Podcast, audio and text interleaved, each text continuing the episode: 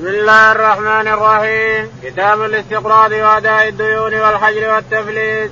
قال باب من اشترى بالدين وليس عنده ثمنه أو ليس بحضرته قال رحمه الله حدثنا محمد. قال أخبرنا جرير المغيرة عن الشعبي عن جابر بن عبد الله رضي الله عنه قال غزوت مع النبي صلى الله عليه وسلم قال كيف ترى بعيرك تبيعني؟ قلت نعم فبعته إياه فلما قدم المدينة غدوت إليه بالبعير فأتاني ثمنه.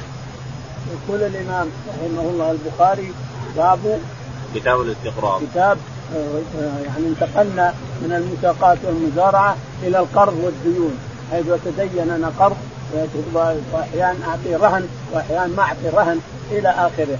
ولهذا الميت إذا مات أول ما يبدأ بالدين أول من أول ما يبدأ بتركته من دين لا سيما الذي فيه رهن. الديون اللي فيها رهن يبدأ بها قبل كل شيء. أول أول الكفن والقبر والعمال اللي يحملونه واللي يدفنونه وإلى ذلك هذا اوله يبدأ من الميت يبدأ من المتروك قيمة الكفن. يبدأ من المتروك قيمة الكفن. مع مؤنة يحتاجها أولي الدفن. ثم ثم الوصايا. ثم وارث النبي قال ثم الديون. التي برهن ثم الديون المطلقة التي ليست برهن ثم الوصايا ثم الورثة إلى آخره. بهذا الترتيب لازم يكون كذلك. الشاهد إن الديون يطالب بها الإنسان إذا مات وعليه دين لأحد يطالب بها يوم القيامة يؤخذ من حسناته وينفع منه إذا لم يفي بها. إذا ما أوفى الورثة أيضا إذا هو ما استطاع أن يوفي ولا أوفى الورثة عنه فالإنسان معلق بدينه في قبره الرجل أو المسلم معلق بدينه في قبره. لازم أن يوفي قبل يموت أو يوفي عنه أولاده إذا كانوا صالحين وعندهم فلوس يشتغلون ويوفون عنه إلى آخره. ولهذا الرسول عليه الصلاة والسلام يمتنع من الصلاة على الجنازة إذا قدمت. هل عليه دين؟ إذا قالوا عليه دين ما يصلي عليه. وإذا قالوا ما عليه دين صلى عليه عليه الصلاة والسلام. إلا واحد قال النبي عليه الصلاة والسلام هل عليه دين؟ قالوا نعم ديناران. قال صلوا على صاحبكم. قال أبو قتادة وأبو طلحة رضي الله عنهم علي الدين يا رسول الله حق الغريم برئت ذمة الميت وحق الغريم قال نعم ذمة الميت برئت الميت وحق الغريم يا رسول الله. فصلى عليه السلام ليش؟ لأن الصلاة عليه الصلاة والسلام شفاعة يشفع للميت والشفاعة ما تقبل إذا كان على حقوق آدمي. حق الآدمي ولو عيد تبريد عود تبريد عندك لآدمي ما يمكن أن ربك يقضي فيها بشيء ابدا ولا يتأذى ربنا ما ما يدخل هذا بهذا اطلاقا. أنت أخذت من الآدم اعطوا حقه خلاص. ربنا ما يتأذى يكتب لك كل شيء ويغفر كل شيء إلا الادمي إلا حقوق الآدمية. يغفر الذنوب الكبيرة أحيانا يتوب عليك منها ويذنب الذنوب الصغيرة يتوب عليها لكن حقوق الادمي لا. لا يمكن أن يتعرض فيها شيء. ربنا تعالى تصدق ما يهملها كلها يحصيها فالإنسان يحرص على التي على حق من كلام أو شتم أو غيبة أو نميمه لأنه الرسول عليه الصلاة والسلام حرم أموالنا علينا. أموالنا بعضنا بعض حرام على المسلم. يقول إن اموالكم أموالنا حرام على الإنسان يأخذها منا. حرام. إن أموالكم وإن دماءكم والدم حرام. لا يجوز تقتل مسلم ولا تجرح ولا تآذيه. إن دماءكم وأموالكم واعراضكم والعرض حرام كذلك. عليكم حرام. كحرمة يومكم هذا. في شهركم هذا في بلدكم هذا. الله إن حرم السماوات والأرض. في يومكم هذا. إن دماءكم وأموالكم وأعراضكم عليكم حرام. كحرمة يومكم هذا. في بلدكم هذا في شهركم هذا. كحرمة الشهر المحرم. وكذا حرمة يوم عرفة. وحرمة شهر ذي الحجة وبلد الله الحرام. البلد حرام والشهر حرام واليوم حرام اللي هو عرفات. حرام الدم والمال على المسلم على المسلم. لا يمكن أن تأخذ قرش من مال مسلم إلا برضا إلا بالرضا. ولا ما يمكن تأخذ شيء اطلاقا. يقول نعم. كتاب الاستقراض. كتاب الاستقراض يعني استقراض الدين تستقرض من اخيك المسلم دين تنوي سداده كما سيأتي. إن نويت سداده سد الله عنك وإن ما نويت سداده أتلفك الله وأتلف الدين اللي عليك نعم. وأداء الديون والحجر والتفليس كتاب الاستقراض وأداء الديون والحجر والتفليس الحجر أن يحجر على الإنسان الحاكم يحجر على الإنسان لأنه كثرت ديونه فإذا كثرت ديون المسلم وعليه وطالب المدينين طالبوا بحقوقهم عند الحاكم فإن الحاكم يحجر عليه. يحجر عليه جميع أموال. جميع ما يملك من الأموال محجور عليه البيع والشراء والنكاح وغيرهم والخلع وغيره. كل مال يبذله محجور عليه.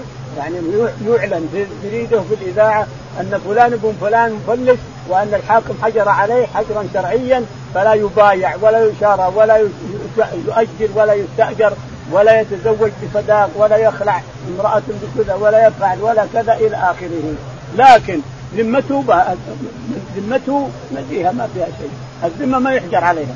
ذمتي أنا أشتري ب 10 ريال من عندي بذمتي يا فلان اعطني الكتاب هذا ب 10 ريال أجيبه لك بعدين بذمتي. جائز هذا بيع الشراء بذمتي جائز لأن الذمة بريئة. الذمة نظيفة وبريئة. ما ما يحجر عليها لا قاضي ولا غير قاضي. القاضي يحجر على الأعيان الموجودة عنده فقط وإلا ما يحجر على الذمة. الذمة بريئة ونظيفة نعم. باب من اشترى بالدين وليس عنده ثمن. يقول باب من اشترى بالدين وليس عنده ثمن. ثمن الدين هذا. اشترى بالدين وليس عنده ثمنه. أو يعني ليس بحضرة. سواء غايب ويحضر أو غايب كثير. إلى آخره. قال حدثنا محمد بن يوسف حدثنا محمد. قال حدثنا جرير. جرير. قال حدثنا المغيرة بن المغيرة. قال حدثنا الشعبي. الشعبي. قال عن جابر بن عبد الله. عن جابر رضي الله تعالى عنه انه أنه كان في غزوة مع النبي عليه الصلاة والسلام وكان راكب الجمل والجمل هزيل مرة واحدة وسالم في آخر الناس ولا يمشي لأنه منقطع ولا يمشي. فلحقه الرسول من وراء عليه الصلاة والسلام. قال من هذا؟ بالليل الأظلم. من هذا؟ قال جابر يا رسول الله. قال ما لك؟ قال جملي هزيل وردي عيل يا رسول قال معك عصا؟ قال نعم. قال عصني أعطاه إياه وضرب الجمل ونهره. يقول فصار يطير طيران الجمل. سبق الناس كلهم. صار يطير حتى يمسك الحبل ولا ولا أقدر. ما أقدر أمسك الجمل. يقول قال تبيعني يا جابر؟ قلت نعم يا رسول الله. هو لك؟ خذه لك. قال لا تعني فاشتراه مني بوقيه بأوقية. ثم لما وصلنا المدينة يقول لما وصلنا المدينة أتيته بالجمل. فقال يا بلال أعط جابر حقه ورد عليه جمله. ما هذا؟ إشارة إلى أن والده قتل في أحد وأن الله اشترى منهم أنفسهم الشهداء وردها عليهم. اشترى منهم أنفسهم بالجنة وردها عليهم.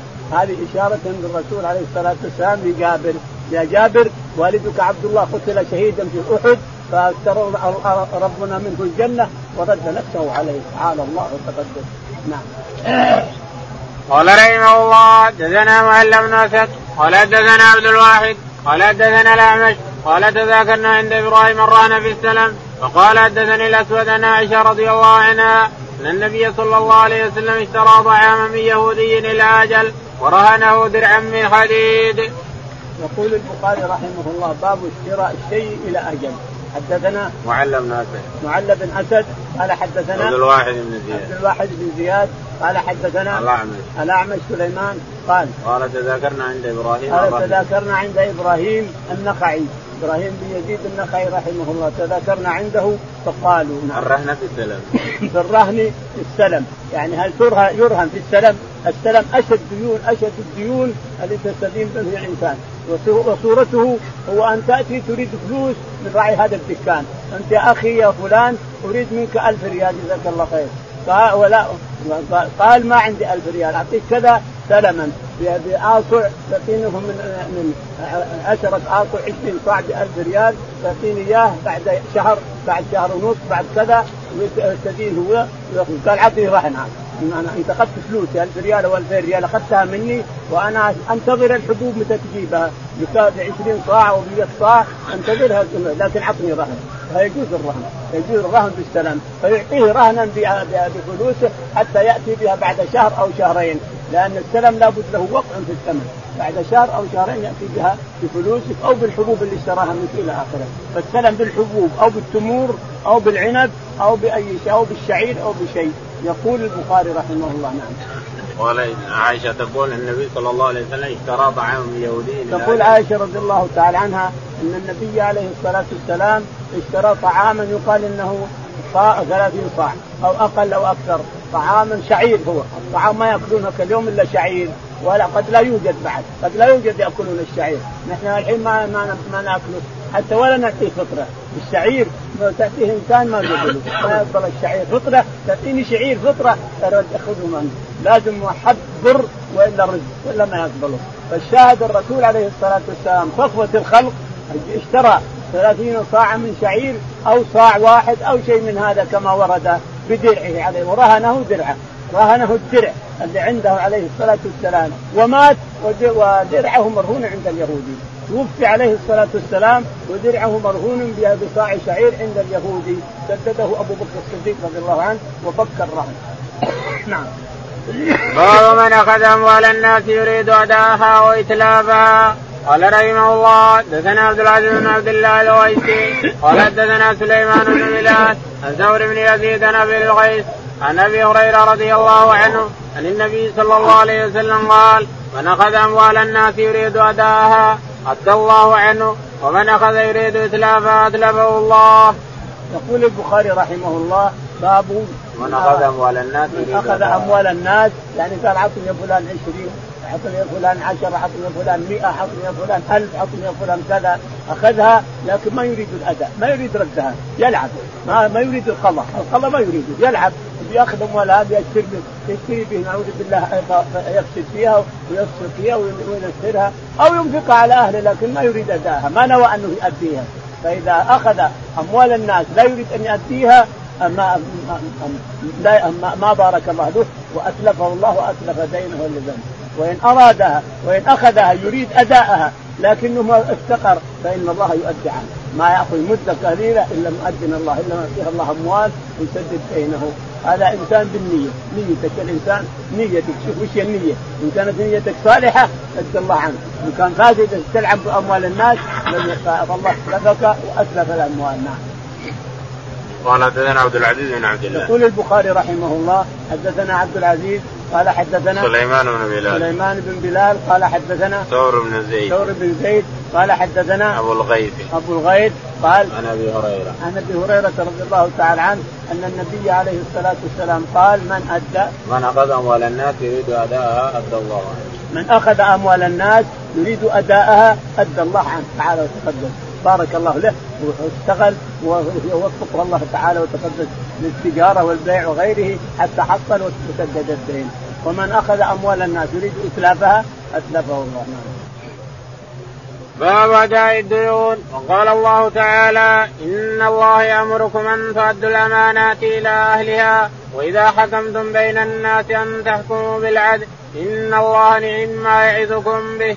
إن الله كان سميعا بصيرا. قال رحمه الله دثنا أحمد بن يونس قال دثنا أبو شهاب عن الأعمش عن زيد بن وهب عن أبي ذر رضي الله عنه قال كنت مع النبي صلى الله عليه وسلم فلما أبصر يعني أحدا قال ما أحب أنه يحول لي ذهبا يمكث عندي منه دينار فوق ثلاث إلا دينارا أرشده لدين ثم قال إن الأكثرين هم الأقلون إلا من قال بالمال هكذا وهكذا وشار ابو من بين يديه وعن يمينه وعن شماله وقليل ما هم. وقال مكانت وتقدم غير بعيد.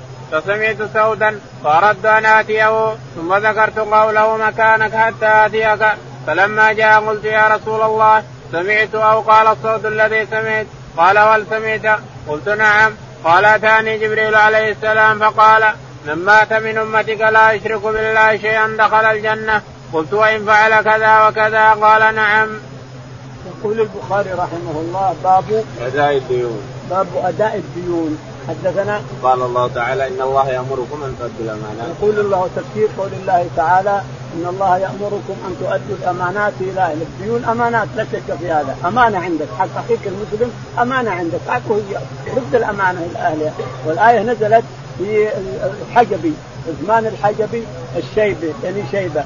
نزلت فيهم. لما طلب الرسول فتح الرسول مكة عليه الصلاة والسلام طلب المفتاح من عثمان فذهب عثمان إلى أمه. أمه كافرة هذا اليوم مع قريش ما بعد أسلم وإلى الآن ما أسلمت قريش. فذهب إلى أمه يا أمه أعطيني المفتاح يفتح الرسول عليه الصلاة والسلام. قالت أعطيك المفتاح يأخذها محمد والله ما يردها. قال أعطيني المفتاح قالت ما أعطيك ما يردها محمد. محمد ما يردها مفتاحنا مفتاح الكعبة عندنا من أول الآخر قال والله ما أعطيك أنا أنحر نفسي من هنا بالسيف. فأعطته المفتاح وجاء إلى الرسول عليه الصلاة والسلام ففتح الكعبة ودخل عليه الصلاة والسلام. هو بلال وأسامة بن زيد الثلاثة بلال الرسول وبلال وعثمان الحجبي. دخل عليه الصلاة والسلام وصلى بين العمودين اثنين اللي قدامك الماجد هنا على جنب. اثنين قدامك الكعبة فيها ستة.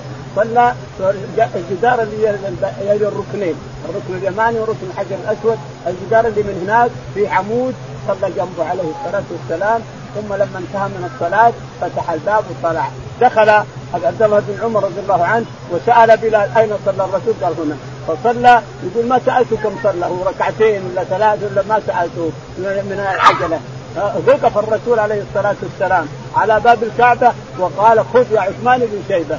خذوها. يا بني شيبة خالدة ثالثه لا ينزعها منكم إلا إلا ظالم. لا ينزع هذا البيت منكم يا بني شيبة إلا ظالم. إلى يوم القيامة.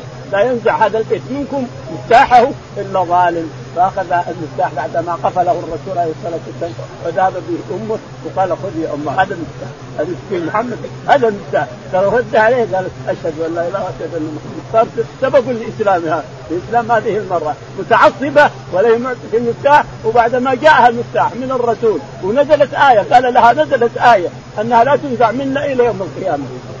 إن الله إن الله إن إن الله يأمركم. أن تؤدوا الأمانات إلى أهلها وأعاد الآية الأخرى وإذا حكمتم تحكموا بين الناس بالعدل إن الله نعم ما يعظكم به إن الله سميع عليم نعم إن الله كان سميعا بصيرا. كان سميعا بصيرا نعم. تعالى وتقدس نعم سميع بصير. يشهد بجلاله وعظمته حدثنا أحمد بن يونس. يقول البخاري رحمه الله حدثنا أحمد بن يونس قال حدثنا أبو شهاب. أبو شهاب اسمه عبد ربه قال حدثنا الاعمش الأعمش سليمان قال حدثنا زيد بن وهب.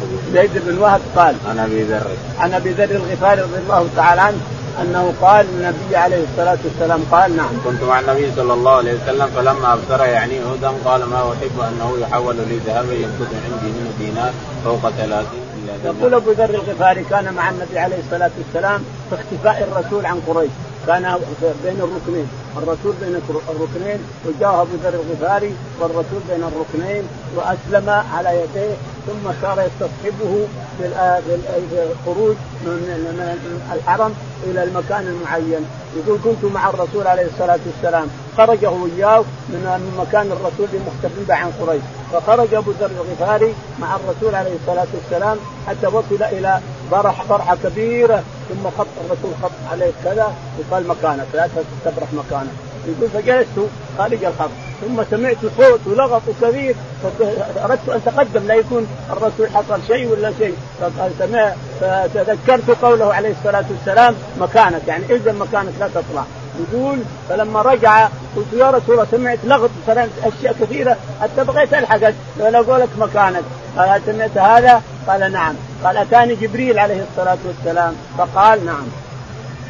قال قال قلت يا رسول الله جبريل أتاني؟ فقال من مات من أمتك لا يشرك بالله شيئا؟ دخل الجنه.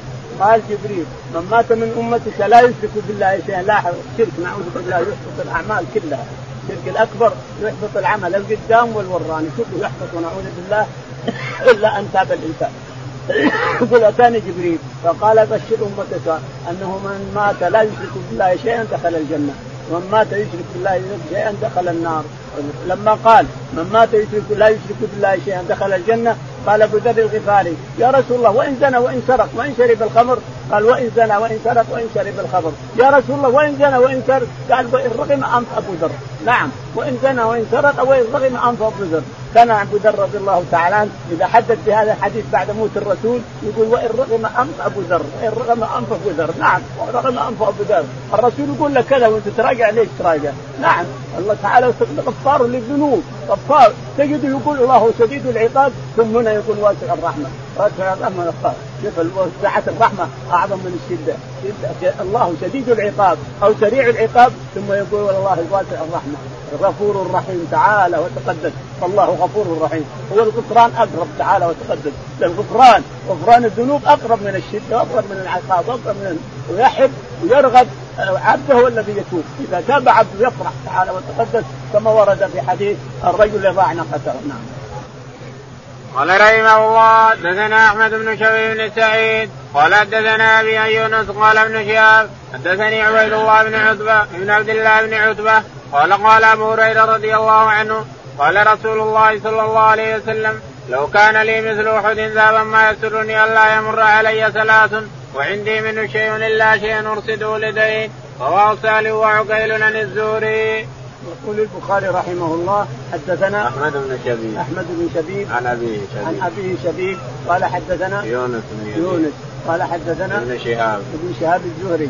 قال عن عبيد الله بن عبد الله عبيد الله بن عبد الله بن عتبة يعني بن مسعود عمه بن مسعود عم أبوه. قال حدثنا أبو هريرة. أبو هريرة رضي الله تعالى عنه أن النبي عليه الصلاة والسلام قال نعم. لو كان لي مثل أحد ذهبا ما يسرني أن لا يمر علي ثلاث يقول الرسول عليه الصلاة والسلام ينبه الناس ينبه الناس لا يركنوا إلى الدنيا يجمع ويفدى من افدى الرسول ربنا تعالى لا ما من جمع فأفدى في سورة النجم. من جمع وأفدى يعني يتعالى ويفدي يعني يصير كدوه وكدوه وكدوه وكدوه ينبه الرسول عليه الصلاة والسلام. قال ما يسرني مثل أحد ذهبا ثلاث ليال عندي منه قرش واحد إلا فرقته على الفقراء والمساكين. انظر يحرض أمته ويحثهم على الصدقة وعلى تفريق المال والا تجمع المال لأن الأقلون هم الاقلون يوم القيامة هم الأكثرون في الجنة ويدخل الفقراء الفقراء المسلمين قبل الأغنياء ب 500 سنة يدخلون الجنة يؤذن لهم بدخول الجنة قبل الأغنياء ب 500 سنه قال إلا شيء ارصده لدين قال الرسول عليه الصلاة والسلام ما أحب أن لي مثل أحد ذهبا جبل كله ذهب أحمر اوزعه إلا شيء ارصده لدين هذا الشاهد الشاهد قضاء الدين. أن تقضي دينك الإنسان لأن الدين مشكلة. قال إلا ارصده لدين أو سدد الدين. والباقي كله ينفقه نعم. باب استقراض الإبل. قال رحمه الله دثنا أبو الوليد قال دثنا شعبة قال أخبرنا سلمة بن كهيل لو قال سمعت أبا سلمة ببيتنا يحدث عن أبي هريرة رضي الله عنه أن رجلا تقاضى رسول الله صلى الله عليه وسلم فاغلد له فهم أصحابه فقال دعوه. فإن لصاحب الحق من قال فاشتروا له بعيرا فأعطوه إياه وقالوا لا نجد إلا أفضل من سنه قال اشتروا فاعطوا إياه فإن خيركم أحسنكم قضاء. يقول البخاري رحمه الله باب استقراض الإبل. باب استقراض الإبل. يعني أعطني ناقة وأنا ارد عليك ناقة يا الانسان تعطيني ناقة قرض أبيعها وتتصرف بفلوسها وأعطيك بعدين أشتري ناقة اعطيك إياها. قرض ناقة بناقة. قال يقول البخاري رحمه الله حدثنا أبو الوليد. أبو الوليد. قال حدثنا شعبة. شعبة. قال حدثنا سلمة بن كهيل. سلمة بن كهيل قال قال سمعت أبا سلمة ببيتنا يحدث قال سمعت أبا سلمة في بيت سلمة بن كهيل. يقول أبو سلمة بن عبد الرحمن بن عوف يعني. قال عن أبي هريرة. عن أبي هريرة رضي الله تعالى عنه أن النبي عليه الصلاة والسلام كان استقرض من أعرابي ناقة جمل. أو جملا له أربع سنوات. يعني بعير صغير ما هو كبير. استقرضه منه ليذبحه ويصدق لحمه على الناس. فلما جاء المدة اللي اللي حددها جاء الأعرابي وصار يقول يا أعطني اللي فيك ما لا فيك يسد الرسول؟ فهم به الصحابة رضي الله عنهم فقال دعوه. فإن لصاحب الحق مقالا. ما في شيء. أنا اطلبك فلوس عطني ولا زحك واصيح عليك. إن لصاحب الحق مقال. يتكلم. صاحب الدين بيتكلم. لا شك في هذا. إن لصاحب الحق دعوه. فإن لصاحب الحق مقالا. أعطوا. فالتمسوا آه، سنا مثل سن جمل الرباعي. ما لقوا. قال أعطوه افضل فأعطوه أفضل. بعد ما كان يسبسب. وكان يتكلم على الرسول عليه الصلاة والسلام. وأما به الصحابة أعطوه أفضل.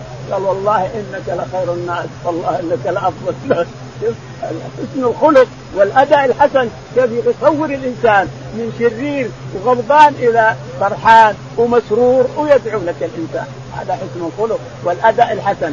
قال إن خيركم أحسنكم قضاء. خيركم أحسنكم قضاء. نعم.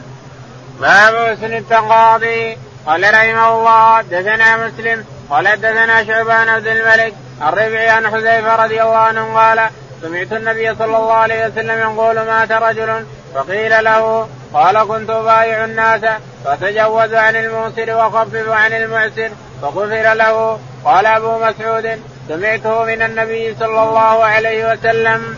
يقول البخاري رحمه الله باب التقاضي. يعني تقاضي الأموال. هل تتجاوز عن الناس وتعفو عن هذا وتغفر لهذا وتمسح اسم هذا؟ وهذا الغني تسمح وهذا الفقير تقول فلان لا عاد تجي خلاص سامحتك تنازلت عنك إلى آخره. هذا رجل ذكر الرسول عليه الصلاة والسلام أنهم بني إسرائيل يأمر غلمانه وهو غني ويعطي الناس يعطي هذا دين ويعطي هذا صدقة ويعطي هذا هبة ويعطي هذا كذا ويعطي هذا. وأحيانا يشطب على ثاني يقول أنا متنازل عن فلان. وأحيانا يترك هذا ما يفعل به مرة واحدة. وأحيانا يجي يجي زيادة دين ويعطيه زيادة دين إلى آخره. فلما لاقى ربه هذا الرجل لاقى ربه سأله ربه ما الذي كنت تفعل؟ وهو أعلم تعالى وتقدس قال هو أعلم بعبده ما يحتاج ما دقيقة ولا شرير إلا تكتب الملائكة وربنا مطلع. قال يا ربي كنت أتجاوز عن هذا وأعطي هذا وأسمح عن هذا وأتنازل عن هذا يجي يأخذ دين ثاني وأعطيه إلى آخره. قال ادخلوا الجنة. تجاوز أنت عن عبادي أنا أتجاوز عنك ادخلوا الجنة. نعم. قال أبو مسعود سمعته من النبي. يقول أبو مسعود البدري رضي الله تعالى عنه واسمه عقبة بن عمرو. يقول سمعت هذا الحديث من رسول الله عليه الصلاة والسلام. لا شك أن هذا صحابي فانت سامع من الرسول. باب هل يطاع أكبر من سنه. قال رحمه الله دثنا مسدد يحيى عن سفيان قال دثني سلمة بن كهيل أنا من الدين. يقول بقي 20 ريال تاتي 30 يدعو لك يدعو لك. ترى أنه مثلا إنسان محتاج لكنه استقرض أعطاك قرض 20 ريال 30 100 إلى آخره. فلما جاء السداد الله مغنيك أنت. أعطيته أكثر من حقه. لا شك أنه يدعو لك بالتي أحسن. يقول البخاري رحمه الله حدثنا مسدد. حدثنا مسدد. قال حدثنا يحيى بن سعيد. يحيى بن سعيد الانصاري القطان. القطان. قال حدثنا سفيان الثوري. سفيان الثوري. قال حدثنا سلمة بن كهيل. سلمة بن كهيل. قال حدثنا أبو سلمة عن أبي هريرة. أبو سلمة عن أبي هريرة. أبو سلمة بن عبد الرحمن عن أبي هريرة رضي الله تعالى عنه أن النبي عليه الصلاة والسلام أخذ ناقة سلفا أو جملا سلفا من إنسان ثم جاء يتقاضاه فقال أعطوه فلم يجدوا سنة، السن الذي أخذه الرسول من الاعرابي ما وجد في الناس الصدقات، قال أعطوه افضل، أعطوه أكبر، فأعطوه أكبر. قال سدد الله عنك وأوفى عنك وجزاك خيرا، هذا يدعو للرسول بعدما كان يغلظ عليه، نعم. باب حسن القضاء. قال رحمه الله دثنا أبو نعيم قال دثنا سفيان عن سلمة عن أبي سلمة عن أبي هريرة رضي الله عنه قال كان لرجل على النبي صلى الله عليه وسلم سن من الإبل فجاءه يتقاضاه فقال النبي صلى الله عليه وسلم اعطوه فطلبوا سنه فلم يجدوا له إلا سنا فوقها. فقال اعطوه فقال أوفيتني وفى الله بك. قال النبي صلى الله عليه وسلم إن خياركم أحسنكم قضاء. يقول البخاري رحمه الله مؤكدا ما سبق باب حسن القضاء. نعم. باب حسن باب القضاء. حسن القضاء، حدثنا التراجم مختلفة والسندات مختلفة، المتن واحد، قال حدثنا أبو نعيم أبو نعيم قال حدثنا سفيان سفيان قال حدثنا سلمة بن كهيل. سلمة بن كهيل. عن أبي سلمة عن أبي سلمة بن عبد الرحمن عن أبي هريرة رضي الله تعالى عنه أن النبي عليه الصلاة والسلام استقرض جملا من أعرابي. ولما جاء الوقت المحدد جاء الاعرابي يطلبه. فقال النبي عليه الصلاة والسلام أعطوه جمله. سن الجمل أعطوه اياه ما وجدوا ما وجدوا سن الجمل. رباعي. ما وجدوا رباعي. قال أعطوه أفضل. أعطوه سن. فأعطوه أفضل من جمل. قال أوفيتني أوفاك الله. أوفى الله عنك. أوفيتني أوفاك الله واوفى الله عنك. نعم.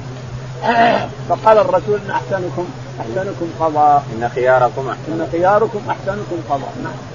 قال رحمه الله دثنا خلاد قال دثنا مستر قال دثنا بخاري بن دثار عن جابر بن عبد الله رضي الله عنهما قال أتيت النبي صلى الله عليه وسلم في المسجد قال مستر نراه قال ضحى فقال صل ركعتين وكان لي عليه دين فقضاني فقضاني وزادني. يقول البخاري رحمه الله حدثنا خلاد بن يحيى. نعم. خلاد بن يحيى. خلاد بن يحيى. قال حدثنا مسعر. مسعر بن كدان قال حدثنا محارب بن دثار محارب بن دثار عن جابر بن عبد عن جابر رضي الله تعالى عنه قال كان لي دين على النبي عليه الصلاة والسلام فأتيته ضحى ووجدته يصلي. ولما انتهى اداني قال لبلال اده فقضاني ديني. قال صلي وكان لي عليه دين قال. صلي ركعتين تحية المسجد. يقول وكان لي عليه دين. يقول فصليت تحية المسجد ركعتين ثم أوفاني ديني. كان لي عليه دين فقضاني ديني عليه الصلاة والسلام. وزادني. وزادني. فزيد يقول إني لم أزل بالزيادة هذه حتى دفنت معه الزيادة حتى مات.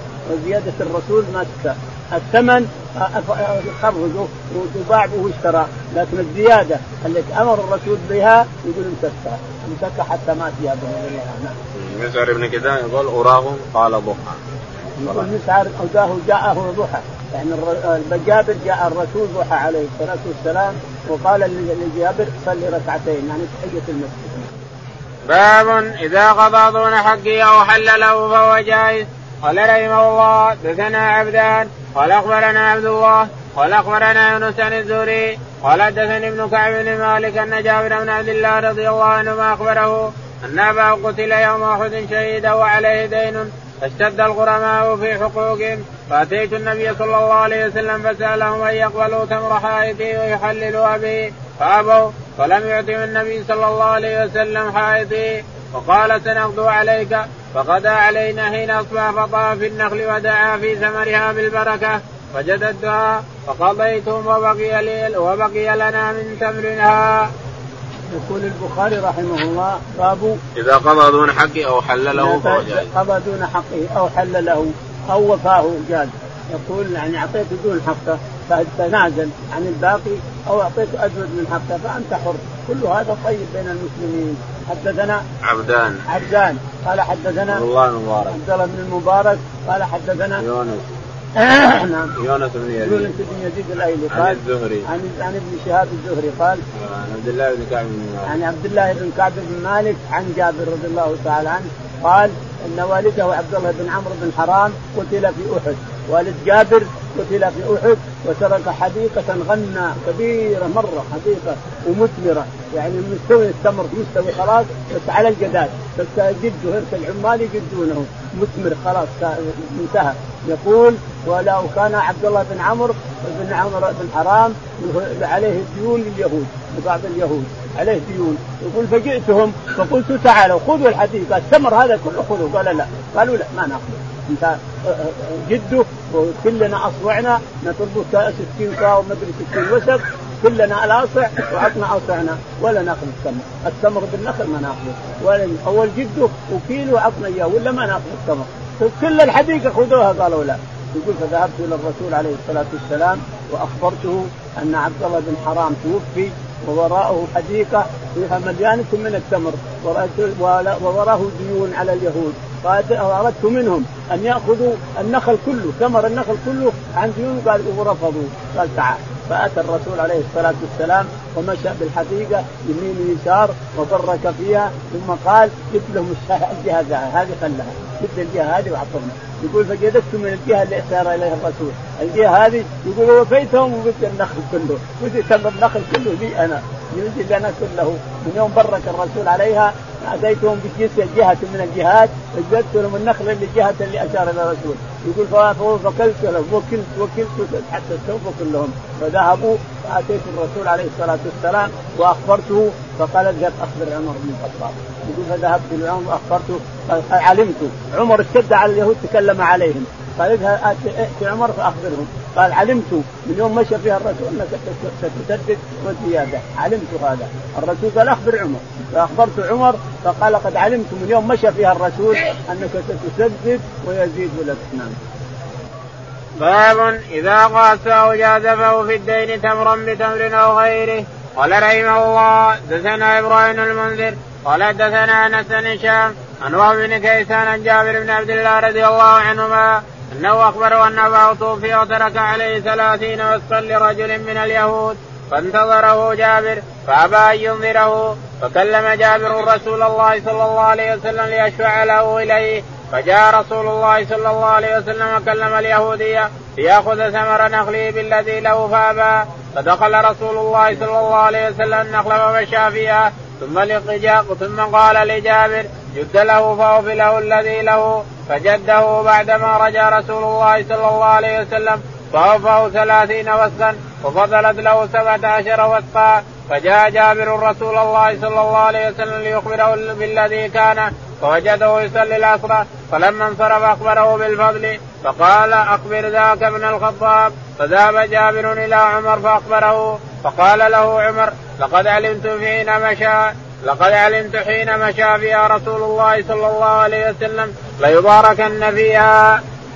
يقول البخاري رحمه الله حدثنا باب إذا قاصه جازفه بالشيء. باب إذا قاصه أو جازفه جاز حدثنا إبراهيم المنذر إبراهيم بن المنذر قال حدثنا أنس بن عياض عياض. انس أنس بن عياض. نعم. قال حدثنا هشام. قال حدثنا هشام. قال حدثنا وهب بن كيسان. وهب بن كيسان. قال عن جابر بن عبد الله. عن جابر بن عبد الله رضي الله عنه قال إن أباه قتل في أحد وترك ديونا على لليهود عليه. ديون لليهود عليه وترك حديقة كبيرة غنى مظلمة من كثرتها. ولكن عي اليهود. رفض اليهودي أن يأخذ التمر التمر اللي فوقه رفض أن يأخذه. يقول فأتيت الرسول عليه الصلاة والسلام مستشفعا به على اليهودي فأتى الرسول إلى اليهودي وقال خذ التمر، التمر اللي على النخل كله. قال لا ما أخذه. يشيل لي حقي وبس قال هذا الرسول عليه الصلاة والسلام لما رأى أن اليهودي متعنت قال مشى بالحديده كلها وبرك فيها وقال جبت له اصحبه يقول فجددت له له يقول 60 30 وسك يقول نعم 30 وسقا 30 وسقا يقول فلما ذهب الرسول عليه الصلاة والسلام أتيت بالعمال صرنا نجد نجد ونعطيه ونكيل له يقول وكلت له 30 وسقا وبقي لي 17 وسق شوف أول يقول خذوا كله ما. كله خذوه دين وسامح أبي فرفض فيقول فقلت له 30 وسق حقه اللي يطلق أبي؟ يقول وبقي لي 17 وسق الوسق 60 صاع الوسق 60 صاع يقول فقال اخبر عمر. يقول فاخبرت عمر فقال قد علمت من يوم مشى فيها الرسول أن الله سيطرح البركة فيها. باب من استعاذ من الدين. قال رحمه الله حدثنا إسماعيل. قال حدثني أخي عن سليمان عن محمد بن أبي عتيق عن ابن شهاب بن عروة ان عائشة رضي الله عنها أخبرت أن رسول الله صلى الله عليه وسلم كان يدعو في الصلاة يقول اللهم إني أعوذ بك من المأسم والمغرم فقال له قائل ما أكثر ما تستعيذ يا رسول الله من المغرم؟ قال إن الرجل إذا غرم حدث فكذب ووعد فأخلف. يقول البخاري رحمه الله باب الاستعاذة من الدين، الرسول يستعيذ من الدين، اللهم نعوذ بك من غلبة الدين وقهر الرجال، اللهم نعوذ بك من غلبة الدين وقهر الرجال، يقول البخاري رحمه الله حدثنا أبو اليمان. أبو اليمان قال حدثنا شعيب. شعيب. قال حدثنا الزهري. الزهري. ثم حول السند. ثم حول السند فقال حدثنا إسماعيل. حدثنا إسماعيل قال حدثنا أخيه اخيه عبد الله. أو أبو بكر عبد الله قال حدثنا سليمان. سليمان.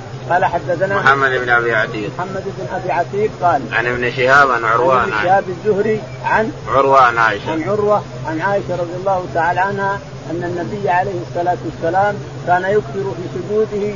اللهم إنا نعوذ بك من غلبة الدين وقهر الرجال وشماتة الأعداء، اللهم إنا نعوذ بك من غلبة الدين.